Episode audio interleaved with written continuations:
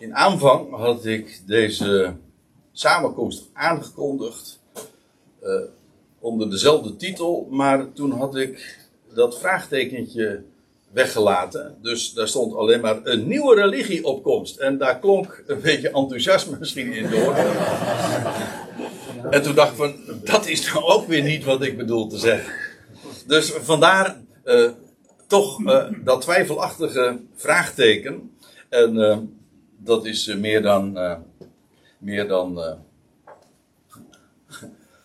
van toepassing inderdaad maar neem niet weg, die uitroepteken was niet voor niks, omdat de schrift inderdaad leert dat tegen de tijd van het einde van deze aion er een, een, godsdienstige vernieuwing plaatsvindt. Ook dat zou positief ingevuld kunnen worden, maar zo bedoel ik het dus ook niet. Maar inderdaad een nieuwe religie. En dat zou je gewoon vanuit de schrift zo kunnen benaderen. En dat gaan we ook zeker doen. Maar, ik moet erbij zeggen, er was ook een speciale aanleiding. Vooral de laatste maanden eh, is er nogal veel te doen. Ik weet niet in hoeverre u zich bezighoudt met het nieuws en met allerlei eh, ontwikkelingen. Maar er is heel veel te doen over AI.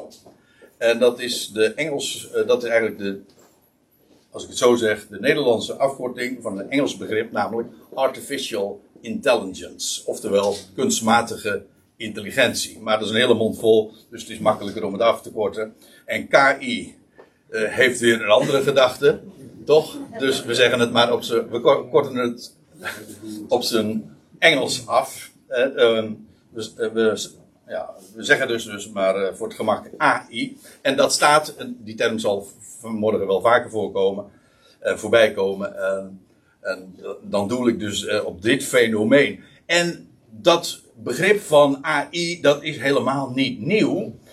Dat, is, dat, dat, dat zingt eigenlijk al misschien wel, zelfs wel tientallen jaren al rond. Maar het explodeerde de af, het afgelopen jaar. Misschien zelfs nog minder. Volgens mij ergens in het najaar.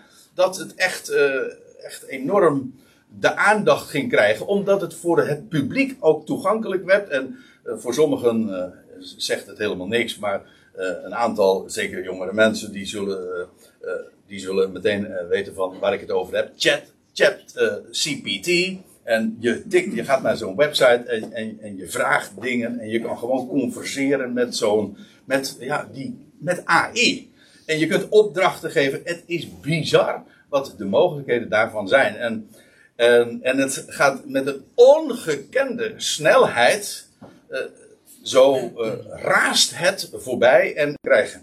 En onlangs, toen hadden we een, uh, een weekend, dat was twee weken geleden, in, uh, in Maren. En toen, heeft, ja, toen is het ook nog voorbij gekomen. En Art, ja, van AI, weet je wel. ja, hij, hij, hij, hij coqueteert graag van met, de, met, met Art. Maar in dit geval vind ik het natuurlijk weer wat minder geslaagd, want het, het associeert weer een beetje met dat artificial intelligence. Maar Art heeft toen een verhaal gehouden over, over dit fenomeen. En nou, de echte aanleiding was, wat, wat u hier ziet, het was een, een, een paar maanden geleden dat er een, een, een, een, conferentie was. Nee, het was meer een presentatie, een interview in Lissabon, eh, waarbij eh, de figuur Yuval Noah Harari eh, nogal eh, prominent eh, naar voren kwam. En hij deed daarin uitspraken over dat fenomeen van artificial intelligence. En ik heb, eh, dat vond ik echt zo bizar wat hij daarover vertelde. Bizar, maar ook, wauw, vanuit, vanuit dat oogpunt had ik het ook helemaal niet gezien. En het is geloof ik een paar weken geleden dat ik daar nog op mijn website even aandacht voor heb gevraagd. En afgelopen week werd ik via allerlei kanalen, uh, vrienden, kennissen, die mij wezen uh, op, op een artikel. Maar eerst nog eventjes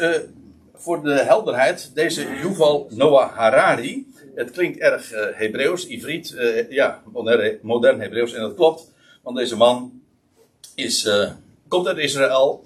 Hij is van 1976. En uh, hij, hij is adviseur.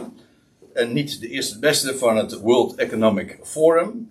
Daar hebt u ongetwijfeld ook wel eens van gehoord, want die heeft een grote vinger in de pap achter uh, in de dingen van deze wereld. Hij is hoogleraar geschiedenis in Jeruzalem. En hij wordt door ook niet bepaald de eerste de beste. Echt door de groten der aarde, als Bill Gates.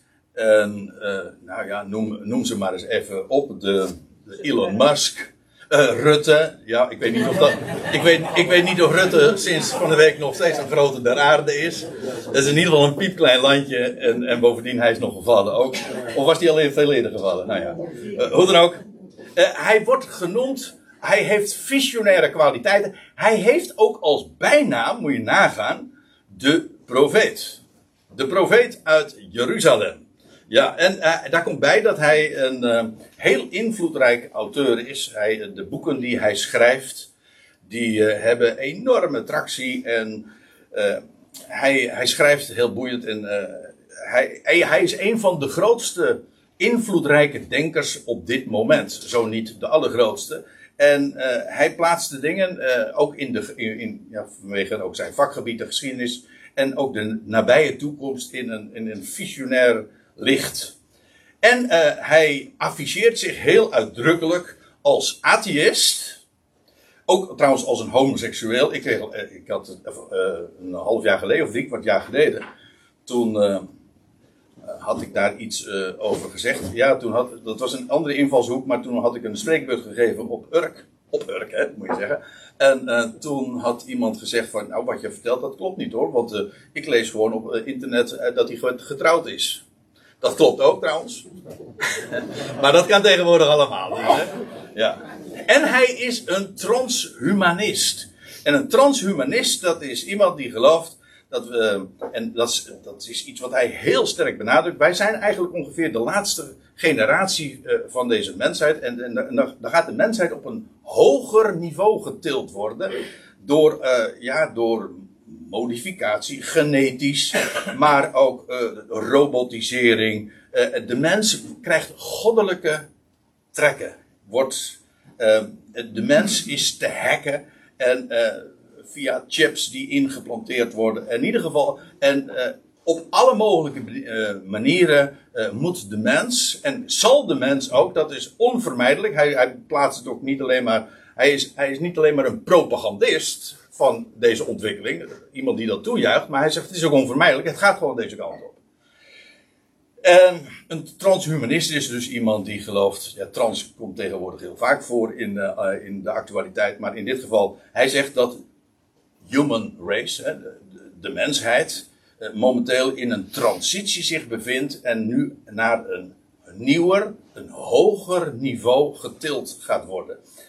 En nou, dat is dus Harari.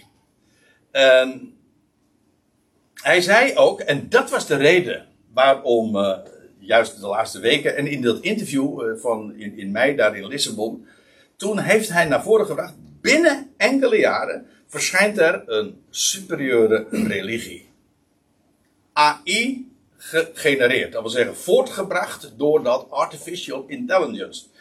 En uh, hij zegt, ja, AI is in feite een dat beschouwt hij ook als een, notabene, een atheïst. Maar hij zegt, in feite is dat iets goddelijks. Want waarom?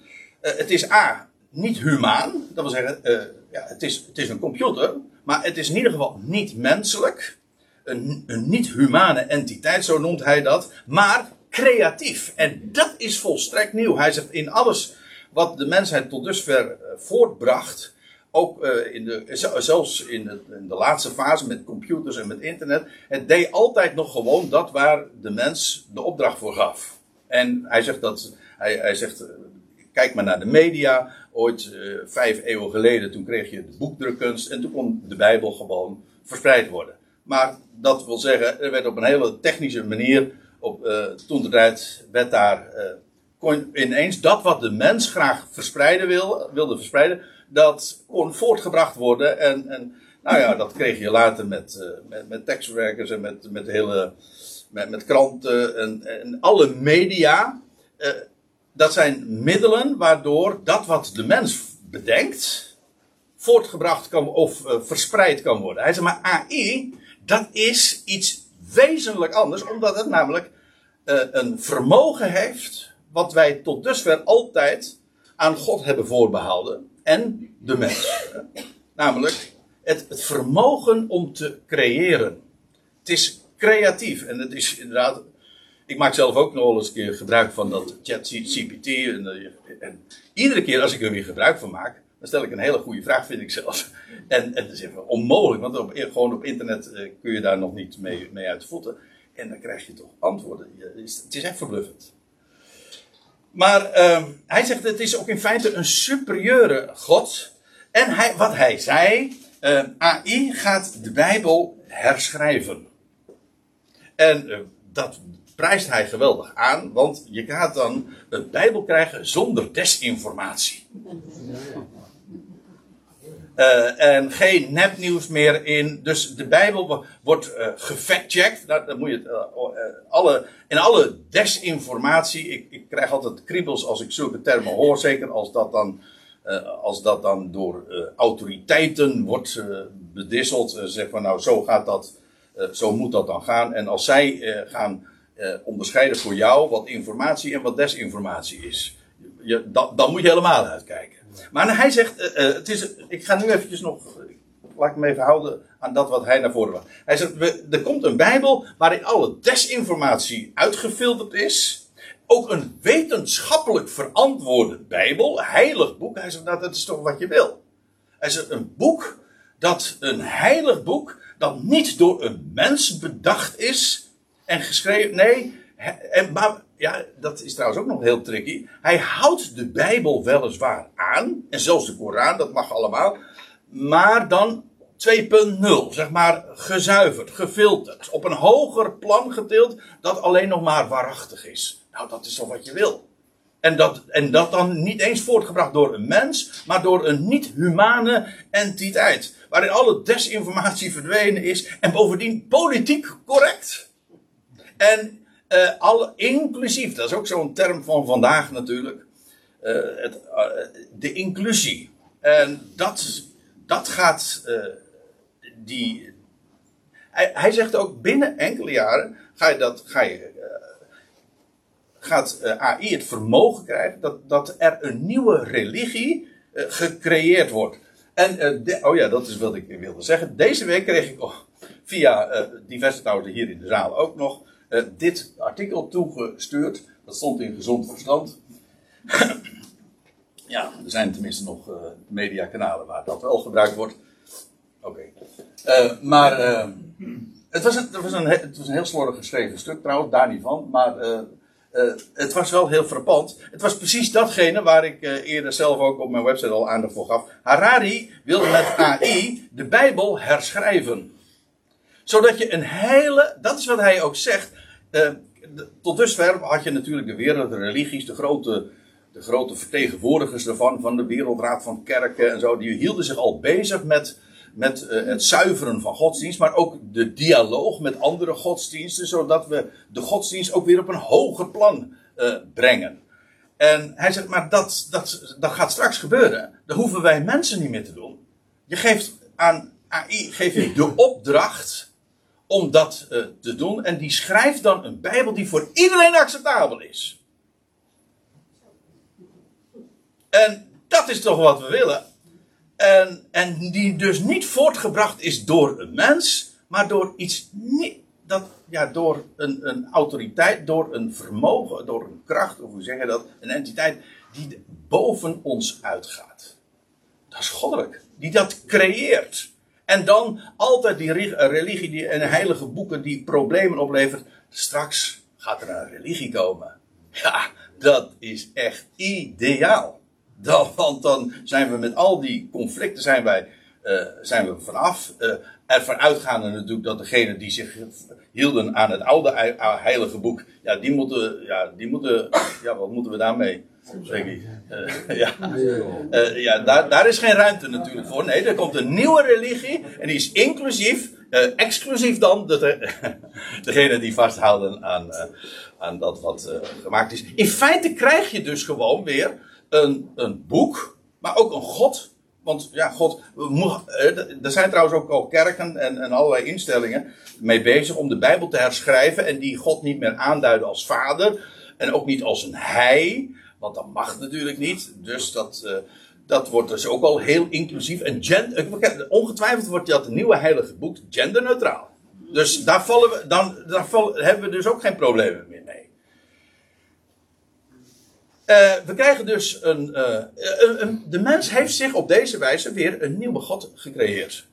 Maar 2.0. Zo, zo, zo groot, zo goed, zo inclusief, zo uh, gezuiverd van alle desinformatie. Terwijl ik het zeg, klinkt er haast zelfs als propaganda door. Denk van, ik, ik weet zeker dat een heleboel mensen die als, als dat wat ik nu hierover zeg maar naar voren breng, zeggen, ja, daar is het wachten op. Weet je wel? Dan, weet je wel, dan alle toestanden van religie zijn we, zijn we kwijt. Maar ja, die Harari zegt, die zegt ook van, ja, maar religie doet ook wel heel veel goeds. God, God, de God bestaat niet, maar religie is ook wel, doet iets heel goeds. En als we dat met AI, zeg maar, omvormen en ja, dan, ja, dan gaan we iets, iets geweldigs krijgen. De Bijbel gaat herschreven worden. Ik kwam trouwens van de week ook nog dit tegen. De digitale Jezus, dat is ook weer. Dat is, ja, het is alleen, al, alleen, al de term. Digitale Jezus stond notabene in het Nederlands Dagblad. Die daar geen kritisch woord over zei. Uh, ik denk dat die ook. Nou ja, laat, ik daar maar niet over uitlaten. Uh, digitale Jezus beantwoordt vragen over geloof, hoop en liefde. We zoeken allemaal naar betekenis. En dat betekent dus dat je naar een bepaalde website gaat. Is ook eh, AI, gegenereerd allemaal en bestuurd. En dan kun je dus converseren met Jezus. En hij geeft antwoorden. En, je kan alles voorleggen en dat kan hij. Ik heb het niet gecheckt. Maar ik gefactcheckt. Nee, maar ik, ik uh, ga ervan uit. Dit, natuurlijk, uh, dit soort dingen ga je krijgen. En in feite is dit allemaal gewoon. Dit is de aanloop. Uh, het is nog niet zover, maar het, het, het dringt zich aan je op. En het is een kwestie van. Ja, dit gaat zo razend snel. Deze ontwikkelingen die, die gaan komen. Dus, dus wat, wat, is dat ideaal, zeg? Dat je dan niet alleen maar kunt spreken uh, tot Jezus, maar dat hij ook terugspreekt. Ja,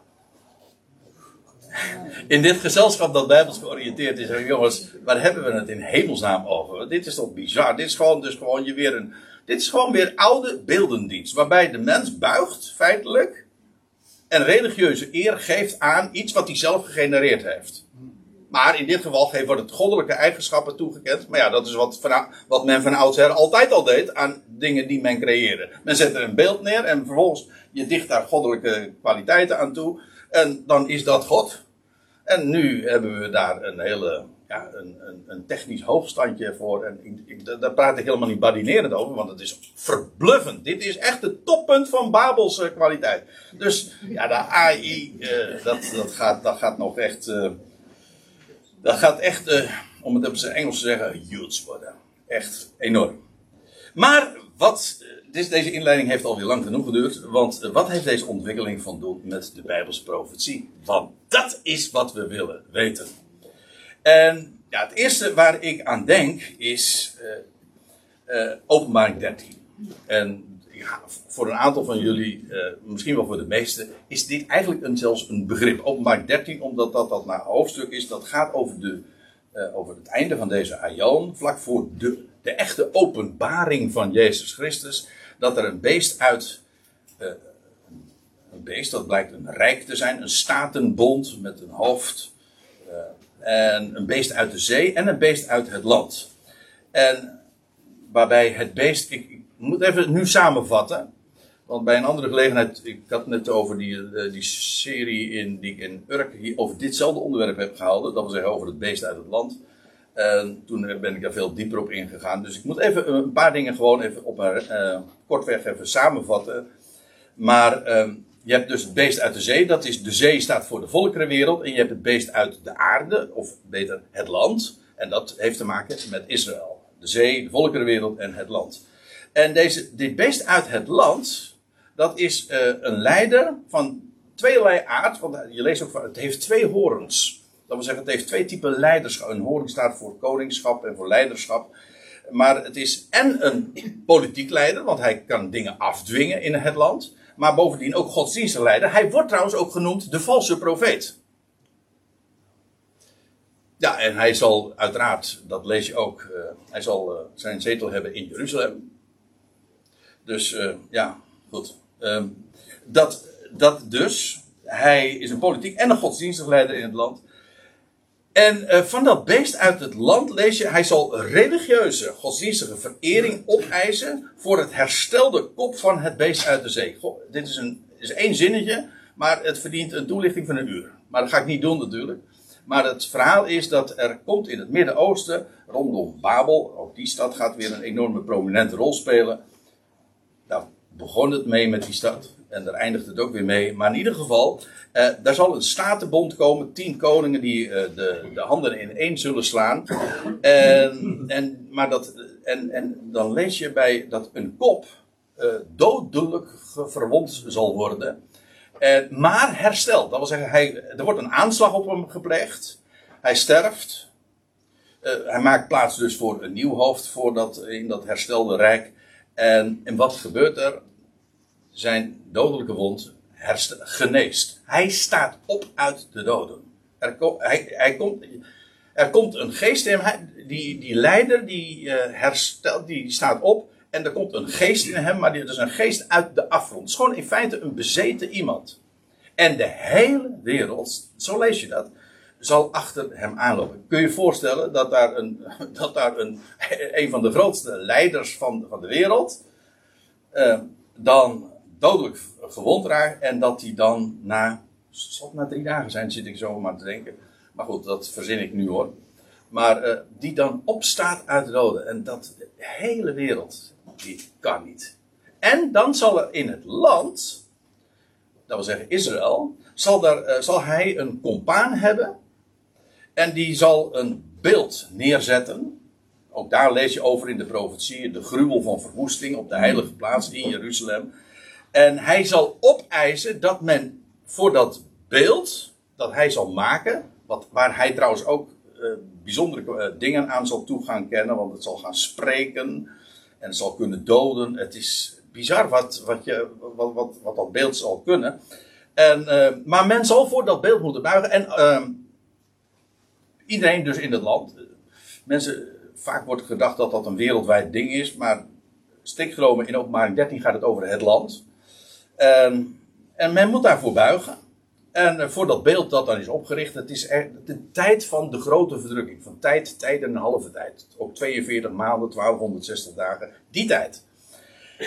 En het is al zo sterk, wie niet buigt voor, uh, voor dat beeld, dat dan opgericht is, ten faveur, zeg maar, van dat, die herstelde kop van, dat, uh, van die man die, die dood, uh, die gedood was, maar herleefd heeft. En ter ere van hem wordt dat beeld dus in dat, op de heilige plaats, in Jeruzalem, in, op het tempelplein dus neergezet. En wie niet buigt, ontvangt geen teken op voorhoofd of rechterhand, lees je dan. En dat, en, dat, en wat is daar zo belangrijk aan, aan dat teken? Wel, op het moment dat je dat teken niet op je rechterhand of op, of op je voorhoofd, dat is dus kennelijk optioneel, dan zul je uitgesloten worden van het betalingsverkeer, want je zal niet kunnen kopen en verkopen zonder dat teken. Dit, wat Johannes in de eerste eeuw optekende, dit zijn allemaal uh, dingen, uh, opties, die nu zeggen van ja, natuurlijk. Dat zijn dingen die uh, zo, aan de zo dichtbij op de horizon zeg maar, zich aandienen. Dit, is, dit zou zo werkelijkheid kunnen worden. En, en dit hele verhaal van dat je straks, uh, dat het hele cashgeld eruit gaat. Ik bedoel, het is uh, orde van de, uh, eigenlijk het een, een, onderwerp wat voortdurend in de discussie is. En dat je straks alle, het hele betalingsverkeer gedigitaliseerd is. En dat je straks ook niet meer met passies hoeft te klooien. Maar dat je gewoon een, een teken krijgt. Of, of ja, een teken, of gewoon een chippy, of een, tatoeage. Het hoeft helemaal niet eens een operatie te zijn. Dat, nou ja, hoe dan ook. In ieder geval, dat je op die manier eh, gewoon kunt kopen en verkopen. Maar met wel als voorwaarde natuurlijk dat je dat teken hebt. En als je daarvan uitgesloten wordt. Dus dat betekent dus dat, dat uh, deelnemen aan de economie betekent ook dat je deelneemt aan die religie. Het is een hele nieuwe religie, hè? want men moet buigen voor dat beest. En, nou ja, eh, ik, ik, moet een beetje uh. Want uh, diezelfde figuur, die hier in openbaring 13 het beest uit het land genoemd wordt. En trouwens, later in het boek wordt hij, krijgt hij de bijnaam de valse profeet. Hij is, hij is dus wel een profeet, maar vals. Pseudo. En notabene in het land. Hij zal daar dus in Jeruzalem zal die een enorme invloed hebben. En bovendien ook nog eens een keertje politiek. En hij wordt beschreven in, ook, uh, in het slot van Daniel 11. 36 tot en met 39. Nou, daar moeten we even naartoe gaan. Want met name daarover wil ik nog wat, uh, ja, wat bijzondere aantekeningen plaatsen. Want juist ook in verband met dit onderwerp. Eerst moet ik even erbij zeggen. Die laatste versen van Daniel 11 gaan over een figuur dat nog steeds toekomstig is. Uh, die laatst beschreven koning zal in de eindtijd optreden. De term eindtijd komen we maar een paar keer strikt genomen tegen in de Bijbel. En dat is juist hier, in Daniel 11. En dan gaat het. Uh, ja, dat hele hoofdstuk dat daaraan vooraf gegaan is, dat gaat over koningen die al in het verleden zijn geweest. En, Alexander de Grote, maar ook de, de, hoe het daarna uiteenviel in vier rijken: het noorden, het zuiden en het oosten en het westen. En dan vooral die, de, het noorden en het zuiden, uh, die, die, die, gaan, die, treden, die treden dan op de voorgrond. En dan lees je uh, in, vanaf vers uh, 36, 35 zal die koning gaan optreden. En het zal zijn in de tijd van benauwdheid, zoals die nooit geweest is. Dat staat dan weer in 12 vers 1. Ik, ik geef de, de versen er even bij. Ik kan het nu allemaal niet zo uh, direct aantonen, maar kijk het maar eens na. Over die koning gaat het dus. Een koning in de eindtijd. En uh, het zal zijn in een tijd van benauwdheid. Houd die ook even vast. Zoals die nooit geweest is. En trouwens wordt er uh, door de Heer Jezus al later ook nog gezegd er zal ook nooit meer zo'n tijd zijn. Totdat de gramschap en dreiging voleindigd is, lees je dan.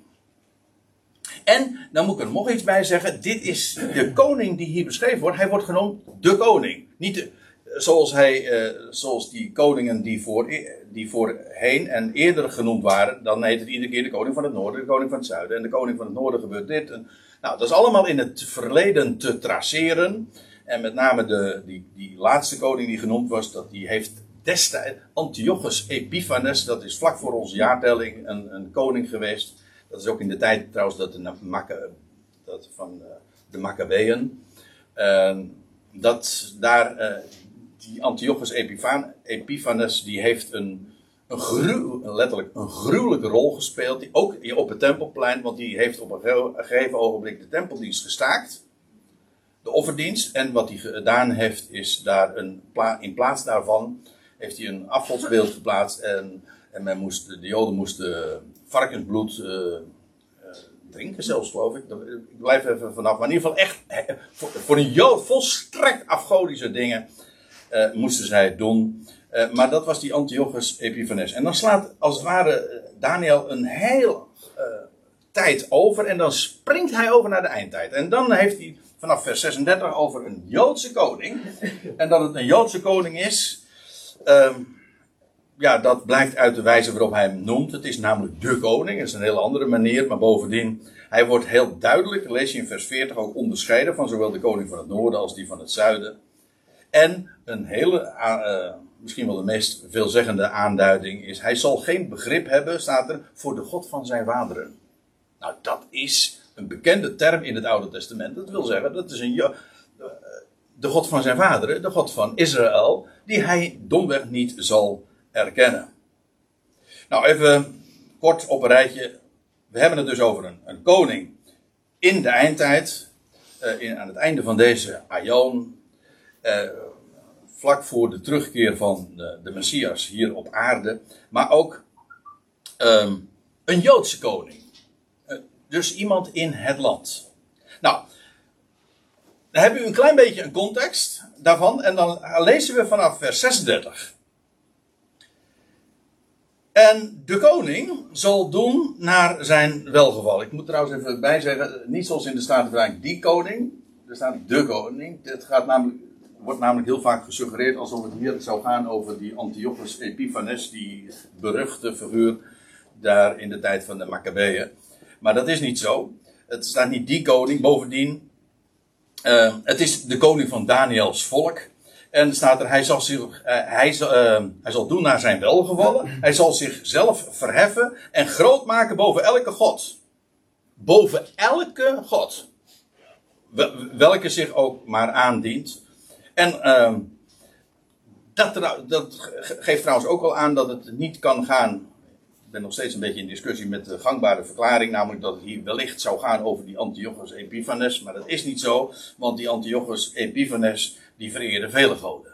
Dus uh, die past niet in het profiel van wat hier gezegd wordt. Hij zal zichzelf verheffen, boven, uh, verheffen en groot maken boven elke god. En hij zal tegen de God der goden wonderlijke of uitzonderlijke dingen spreken. hey, dat is ook opmerkelijk. Dus eh, dat betekent dat hij helemaal van elke religie eigenlijk dus gehakt maakt, om het eventjes plat te zeggen. Maar ook, hij zal tegen de God der goden, dat wil zeggen de enige ware, de allerhoogste, wonderlijke dingen zeggen. Uh, dingen die uh, niet eerder zo verklaard zijn. En hij zal, het betekent sowieso dat hij zich dus expliciet uitlaat over de God van Israël. De echte, de ware God, de God der goden. En dat is niet eerder vernomen. Zoals hij zich daarover zal uitlaten. En nou ja, in, in het licht van waar we het nu ook over, wat ik al even aandroeg in verband met de actualiteit, uh, laten zulke dingen zich ook uh, heel gemakkelijk verklaren. Er, er, er treden hij zal namelijk op gaan treden in een tijd waarin hele nieuwe fenomenen zich gaan voordoen, zodat hij inderdaad dingen gaat zeggen en verklaren, ja, die volstrekt uitzonderlijk zijn en die ook nooit eerder vernomen zijn. Ik lees verder. En hij zal voorspoedig zijn. Ja, totdat. In eerste instantie zal hij uh, buitengewoon succes hebben in al zijn ondernemingen. Dat correspondeert ook precies met wat we in openbaring 13 lezen. Namelijk dat hij een beeld gaat uh, oprichten voor dat beest in, uh, dat daar in het Midden-Oosten, dat rijk dat daar in het, in het Midden-Oosten komt. En hij, eigenlijk speelt hij onder één hoedje. Hè, die beide beesten. Dat beest uit, het, uh, uit de zee, die kop die hersteld is. En dus je, wat je gaat krijgen, is dat je in het Midden-Oosten dus een, een rijk zal hebben, een bond. Een, van heidense natieën, maar die op uh, goede voet met de Joodse staat. Wat op zich al een heel wonderlijk fenomeen is, want uh, sinds, uh, sinds we een Joodse staat hebben, is alleen maar hommelus geweest hè, in het Midden-Oosten. Vanwege de, dat, dat hele conflict dat maar voortsleept. Nou, daar gaat dus een oplossing voor komen. En je leest ook inderdaad dat dat, dat Rijk, dat, ja, dat zal een hele goede connectie hebben, juist met de Joodse staat. En dat die beide beesten die spelen, zoals gezegd, onder, onder één hoedje. En um, je kunt je voorstellen wat, wat, je kunt je voorstellen wat er gaat gebeuren als uh, zeg maar ook het, uh, het Joodse uh, de inventiviteit en dat wat zij in huis hebben, als dat zich gaat, als dat, zich gaat samenvoegen met, met het geld, alleen dat al, wat zich daar in de Arabische wereld, in het Midden-Oosten in het algemeen uh, wat daar voorradig is, als dat allemaal gaat samenwerken, dan ga je daar iets, nou, dan ga je haast een Messiaans Rijk krijgen, joh. En dat betekent dus ook dat er ineens, als daar vrede komt, daar in Jeruzalem, ja, uh, nou ja, dat, dat zal natuurlijk, uh, alleen dat al zal de, de, de Messiaanse gedachte van, jongens, dit is waar, dit is waar die oude boeken al over spraken. Hè? Dus, die, die dat AI, waar het over, die nieuwe religie die, die gaat komen, die is, dat is dus maar niet alleen maar het wegzetten en het teniet doen van de, van de oude religies. Het plaatst op een hoger plan, in hun eigen termen dan. En uh, men zal uh, dat wat nog steeds common ground is, ja, dat zal men erkennen. Zeggen van ja, die oude boeken die schreven allemaal dat in deze tijd het zal gaan gebeuren. En dat is wat nu vervuld wordt. Dit is die Messiaanse tijd. En als daar dan in het, in het Midden-Oosten dan inderdaad vrede komt, daar in Jeruzalem ook. Uh, nou ja, hij zal voorspoedig zijn. laat, ik het, uh, laat ik het eventjes uh, bij de tekst blijven. Hij zal voorspoedig zijn, maar wel totdat. Totdat de gramschap voleindigd is, want dat is vastbesloten. Het zal geschieden. Dat wordt nog eens een keer in Daniel gezegd. Trouwens ook elders in Jezaja vind je dat terug. Heel, juist deze term wordt heel dikwijls gebruikt in verband met de tijd van het einde. Dat wil zeggen, er gaat dus, deze figuur gaat opstaan. Hij gaat enorme succesvolle rol spelen. Totdat. Ja, want totdat God gaat ingrijpen. De tijd is gewoon ook uh, gemeten. Ook ingekort. Ter wille van de uitverkorenen. Dat wil zeggen, duurt 42 maanden, niet langer. Het is vastbesloten. Het zal geschieden. Want zo staat namelijk er, zo staat het geschreven. Niet herschreven. Nee, zo staat het geschreven. En staat er, en daar had ik het net al even over, maar hier uh, vind je de tekst waarin, waaraan uh, dat dan ook duidelijk ontleend is. En voor de God van zijn vaderen zal hij geen begrip hebben. u, ziet het, ik ik, ik heb expres die interlineair zoals gebruikelijk erbij geplaatst. Maar zo staat het er ook letterlijk. Hij zal geen begrip hebben voor de God van zijn vaderen. Maar dat betekent dus inderdaad dat we te maken hebben met een Jood. Maar dan wel een Jood die volstrekt afstand neemt van de Joodse religie. Maar ik moet eigenlijk preciezer zeggen, niet alleen de Joodse religie, want u zegt van ja, dat doe ik ook. Ja, oké. Maar ik bedoel ook van het Oude Testament of van de Hebreeuwse Bijbel en van de God van de Bijbel, van, van de Hebreeuwse Bijbel. Daar moet hij dus niks van hebben. Hij zal daar ook geen uh, begrip uh, voor tonen. En uh, als ik nog eventjes aan die profeet in Jeruzalem, die tot op dit moment, want eventjes voor de goede orde, want sommige mensen zeggen van, ja, jij, jij hebt beweerd, dat is niet waar. Jij beweert dat Harari die valse profeet is. Dat beweer ik niet. Ik zeg alleen, tot dusver past hij in het profiel. Het kan best zijn dat er nog een andere komt, die, nog, nog, uh, die het uiteindelijk gaat worden. Ik zeg alleen, tot dusver past hij, wonderwel, in het uh, profiel. Dus ik zeg dat met de nodige slagen om de arm. Maar uh, let op met die. het gaat erom, wees wakker en alert. Om even aan te haken op het thema van twee weken geleden, ja. Want uh, ja, zoals hij zich, uh, die Harari zich ook uitlaat over de God, uh, over de Bijbel en zo. Ook met, de, met de dédain, weet je wel.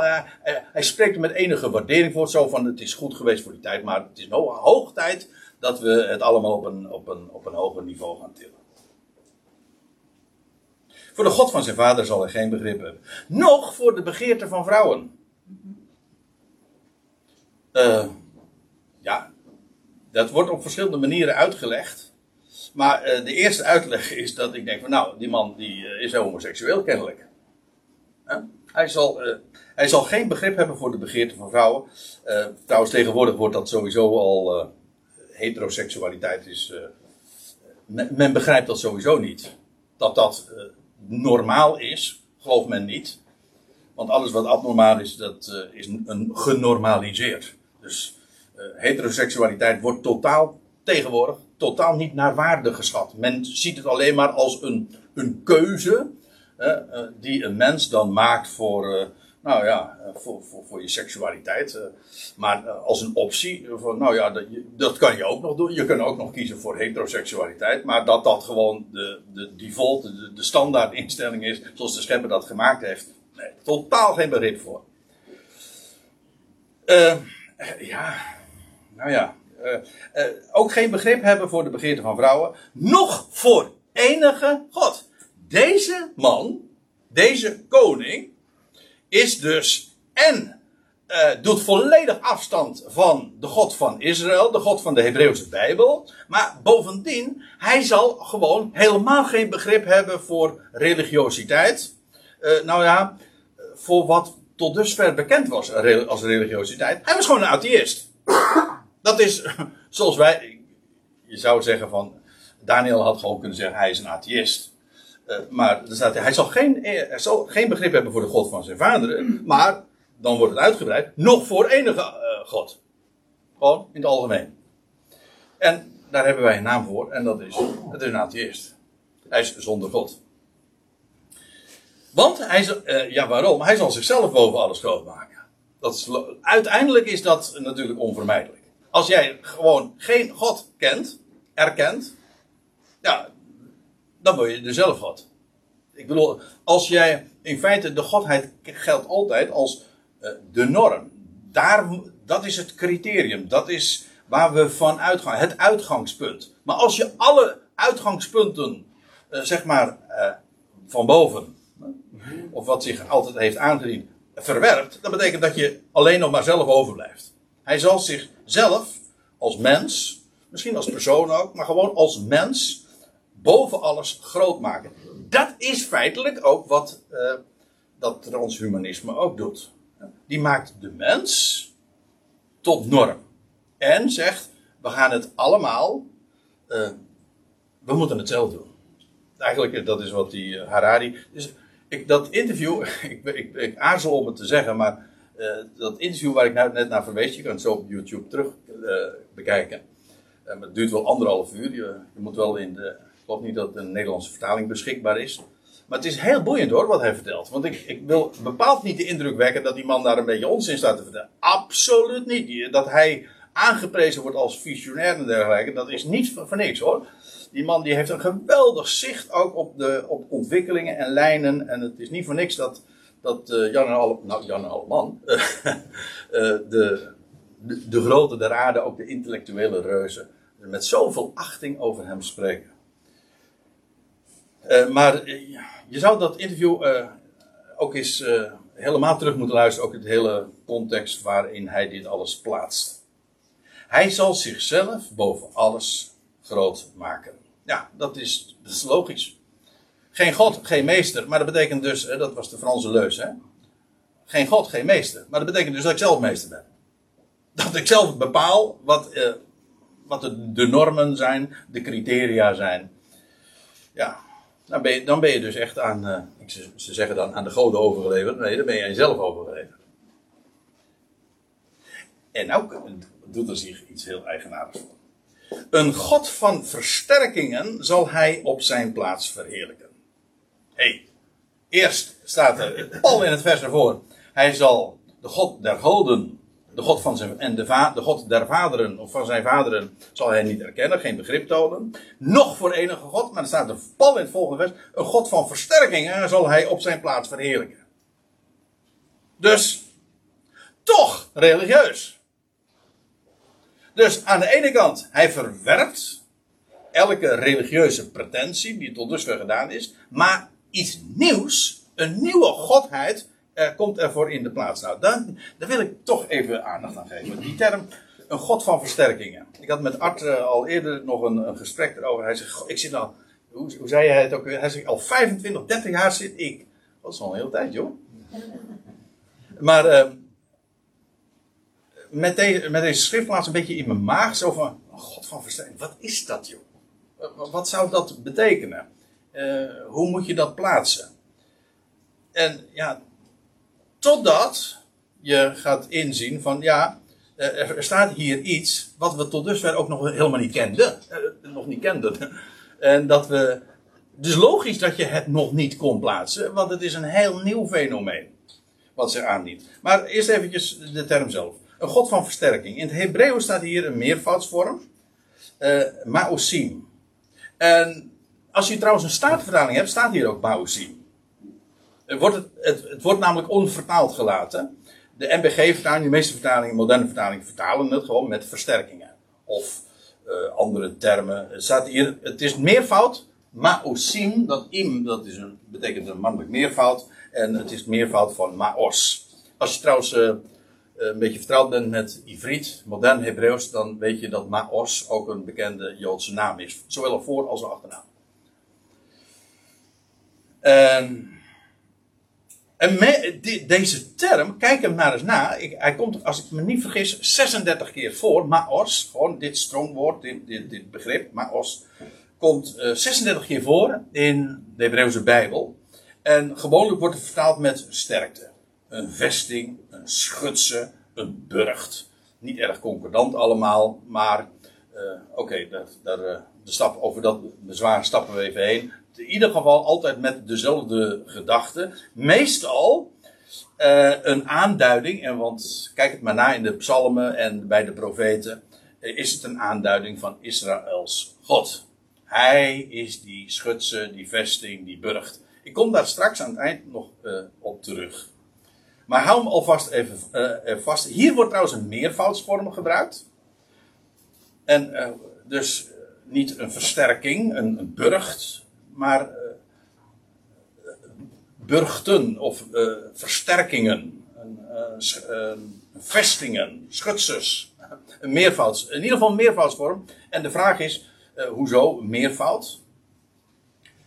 Nou, dat kan een meer. Uh, kent de term een majesteitsmeervoud. Dus het, het, het, wordt meervoudig aangeduid om het, majesteitelijke, zeg maar, te benadrukken. Als je iets, als iets groots is, dan geef je dat, zoals de koningin. Hè?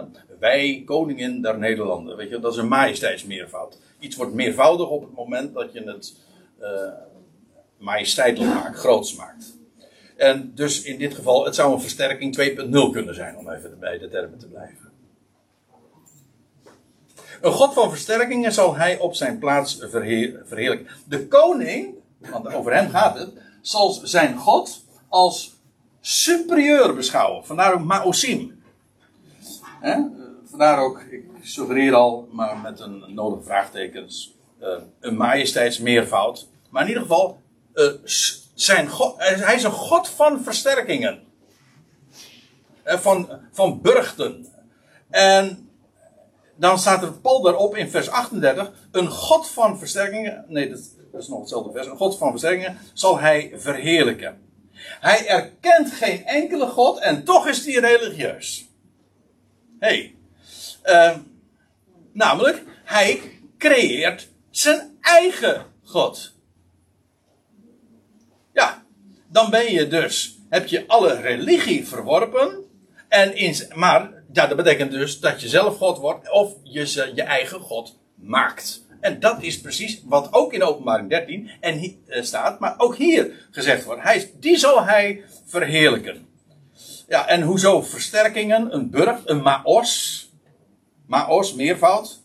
Nou, hij beschouwt die God als een, als een beveiliging, als een burcht. Zo zal hij hem vereren. En dit uh, brengt mij weer even terug bij uh, waar ik het over had. Want kijk, dat AI wordt nu gepropageerd. Uh, of nou ja, de ontwikkeling doet zich aan ons voor. Maar wat is het? En wat, wat is de potentie ervan? Nou, waar we in dit tijdperk enorme behoefte aan gaan krijgen is security. Hè? Cybersecurity. Maar ook ja, met, met alle nieuwe technologieën, er doet zich ook weer andere problemen voor van fraude. Eh, dat moet gedetecteerd worden. Maar AI, kijk het maar eens na, wat het moet veiligheid op de weg ook gaan brengen. Veiligheid in de gezondheidszorg. Denk bijvoorbeeld aan het implanteren van chips, of waardoor men kan zien van, oh, die heeft die ziekte, of die is niet gevaccineerd, of nou ja, dat soort dingen. Dus de, de beveiliging, bescherming dat is wat, een, dat is wat Maors betekent. Hè? Dat is een schuilplaats. Iets waar je veilig in bent. Het zal hij zal een God maken die bescherming, een bolwerk. Waar we, hè, eindelijk. En ook bescherming, dat is misschien wel wat de belangrijkste, tegen desinformatie. En eindelijk een, een, een, religie die ons beschermt van al die exclusiviteit. En inclusief is. Een bescherming, ook ongetwijfeld, want ja, uh, dat hoort er tegenwoordig ook bij. Een bescherming van deze aarde, want ja, die moet gered worden, u weet het. Uh, het klimaat, uh, dat grote probleem, dat moet getackeld worden. En ook dat moet AI, zet het in. En ook die God, die God, die moet gepromoot worden, want die moet voor de oplossing gaan zorgen. Maar ook daadwerkelijk eh, als, als, als toevlucht, als burcht, als maos zal het worden ge, eh, ingezet. En, eh, en die zal die verheerlijken. Een nieuwe religie, ja, terwijl het atheïsme is. Maar die, die, een God die men zelf verheerlijkt heeft. En een heilig boek. Want ja, daar heb je ook een heilig boek voor nodig. Nou, die, die we zelf hebben. We, nee. Die van boven komt door een niet-humane entiteit. We hebben het niet zelf bedacht. Nou, dat is toch precies wat religie altijd zeggen. Niet, niet door mensen bedacht. Nee, het is van God zelf. Nou, dat is dit. Alle lijntjes komen bij elkaar. Een God van versterkingen zal hij op zijn plaats verheerlijken. Ja, op zijn plaats. Ja, wat is dat? Nou, dat is daar in Jeruzalem. Op, die, op de heilige plaats. Als je de gruwel zegt, ziet. Hè, dat, uh, gruwel is in de Bijbel gewoon de term voor een afgodsbeeld. Als er komt een beeld. Wacht even. Er gaat eerst. Er, in Jeruzalem zal er weer een offerdienst komen. De Bijbel laat daar geen twijfel over bestaan. Maar. Uh, een korte tijd. En die offerdienst wordt afgebroken. En, en in de plaats daarvan komt een afgodsbeeld. Dat is die gruwel. En dat is meteen ook het begin van de grote verdrukking. En van die 1260 dagen. En dan zal uh, degenen die nog net op tijd zijn, die zullen uh, zijn gevlucht in de woestijn. En de Heer zegt ook van dat als je dat ziet, hij zegt, dan moet je maken dat je wegkomt. En zelfs als je nog een, uh, iets hebt liggen in huis, ga, laat liggen, ga naar de woestijn. En dat is dat tijdstip.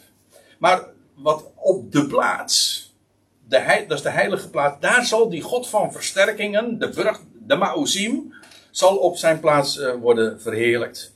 En dat is waar Paulus het trouwens ook over heeft, dat de mens der wetteloosheid zal in de tempel gezet worden. Dat wil zeggen, een beeld van hem. En dat is onder dat ene hoedje met die, dat beest uit het land. Dus er zijn verschillende figuren, verschillende machten die daarin een rol spelen. Maar um, hij zal, een God van versterkingen zal hij op zijn plaats verheerlijken. En hij zal bolwerken van versterkingen, weer dat, die term, maken met een vreemde God. Ja. Dat hele bolwerk wat hij maakt, die beveiliging, dat is ook, ja, waar we het natuurlijk ook alom uh, tegenwoordig over hebben. AI, uh, digitale controle.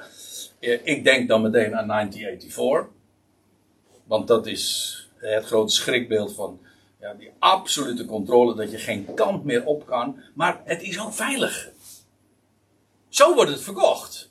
Dat je, dat je totaal geen vrijheid meer hebt om te gaan en te staan waar je wil. Maar zeggen, ja maar we zijn wel veilig. Zo wordt, uh, zo wordt cashgeld nu ook gewoon uh, uh, weggedaan. Waarom? Zeg van ja, want dan kunnen we in ieder geval. kan er niet meer gefraudeerd worden met belastingen. Dat is geweldig man. Dus uh, zo wordt de vrijheid weggenomen. En uh, zo, maar met een vreemde God, met die vreemde God, een nieuwe God. Ja, want het is een vreemde God. Waarom? Hij was onbekend. Het. En wij altijd ons maar afvragen, hè, Art, uh, wat, wat, zou dat toch zijn zeg? Ja, dat, we kenden het ook niet. Maar nu doet het zich voor aan, aan de horizon en zegt van, wauw, let maar eens op. Misschien zal het nog een ander naampje krijgen hoor, dat kan heel goed. We noemen het nu nog AI, voor mijn part. Nou ja, daar zat ook al wat achter, hè, met het AI, eh, IA. Nou ja. Ja, ja. Je moet hem nog maar eens even terug beluisteren. Zaterdagavond heeft Art daar toen nog wat over verteld. Uh, en zij die hem erkennen, ja, die, dat wil zeggen, die, dat, dat beeld ook, en die, die, die koning, en dat wat hij propageert, want het is ook een valse profeet. Uh, ja, die zal die heerlijkheid vermeerderen en hij zal ze doen heersen over de velen. Hij zal grond uitdelen als beloning. Dat wil zeggen, uh, het is enorm economisch, maar ook maatschappelijk en zelfs politiek uh, voordeel wanneer je meegaat in die dienst. Omgekeerd, het is een, een, drama als je daar niet in meegaat, want je kan dus, ben helemaal buitengesloten. Er zullen er ook velen omkomen. Het wordt dus ook niet voor niks de grote verdrukking genoemd. De tijd van benauwdheid. Ja, nou, nou wordt het hoog tijd, want ik zie dat uh, de tijd uh, voortschrijdt. Ja. Uh, ik wil ik nog een paar schriftplaatsen noemen over Yahweh als Maos. En u weet inmiddels waar ik het over heb. Als Maos voor zijn volk. Ik wil een paar schriftplaatsen noemen. Dat is heel opmerkelijk. Daar staat in Psalm 37, vers 39. Doch het heil van de rechtvaardige, de redding van de rechtvaardige, is van Yahweh. Hun schutsen ten tijde van benauwdheid. En hier staat gewoon weer dat woordje ma, maos. Ja, ja, hun Maos. Uh, hun schuilplaats of hun burcht. Wie is dat? Dat is Yahweh. Wanneer? In tijd van benauwdheid. En moet je nou even dit realiseren.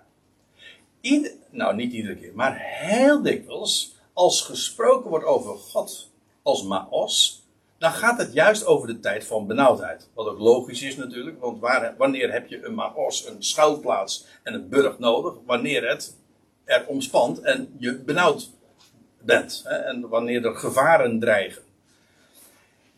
Maar juist in die tijd is God ook een benauwdheid. Want in die tijd van grote verdrukking, dat daar dat beeld op, dat, op, het tempelplein zal staan, dat zal ook de tijd zijn dat degenen die gevlucht, tijdig gevlucht zijn naar de woestijn, een plaats hebben van God bereid.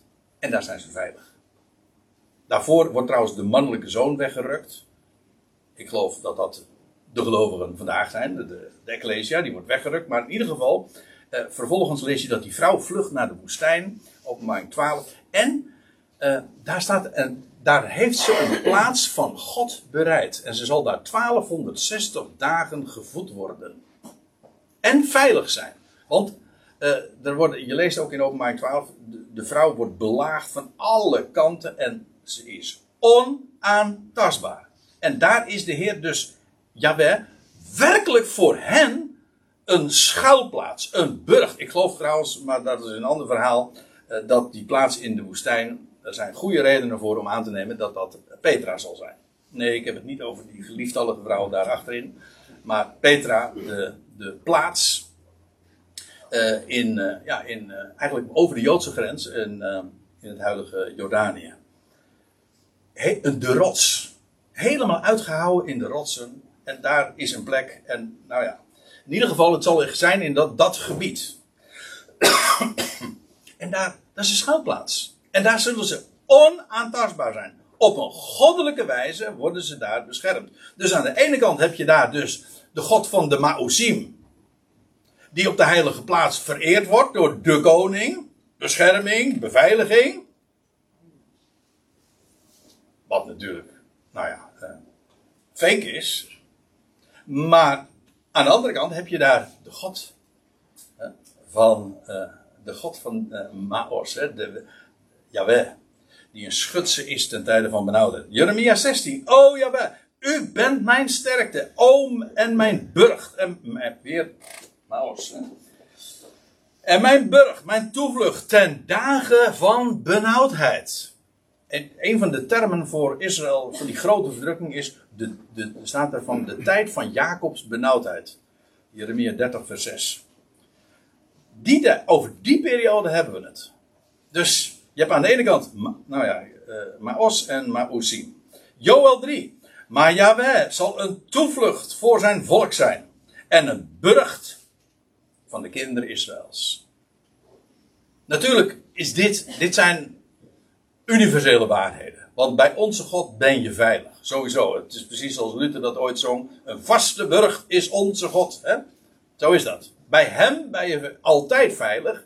En op zijn woord, de rots, kun je altijd staan. Dat hoeft niet herschreven te worden. God zij dank. Daarom is het juist ook een rots. Want je kunt erop staan.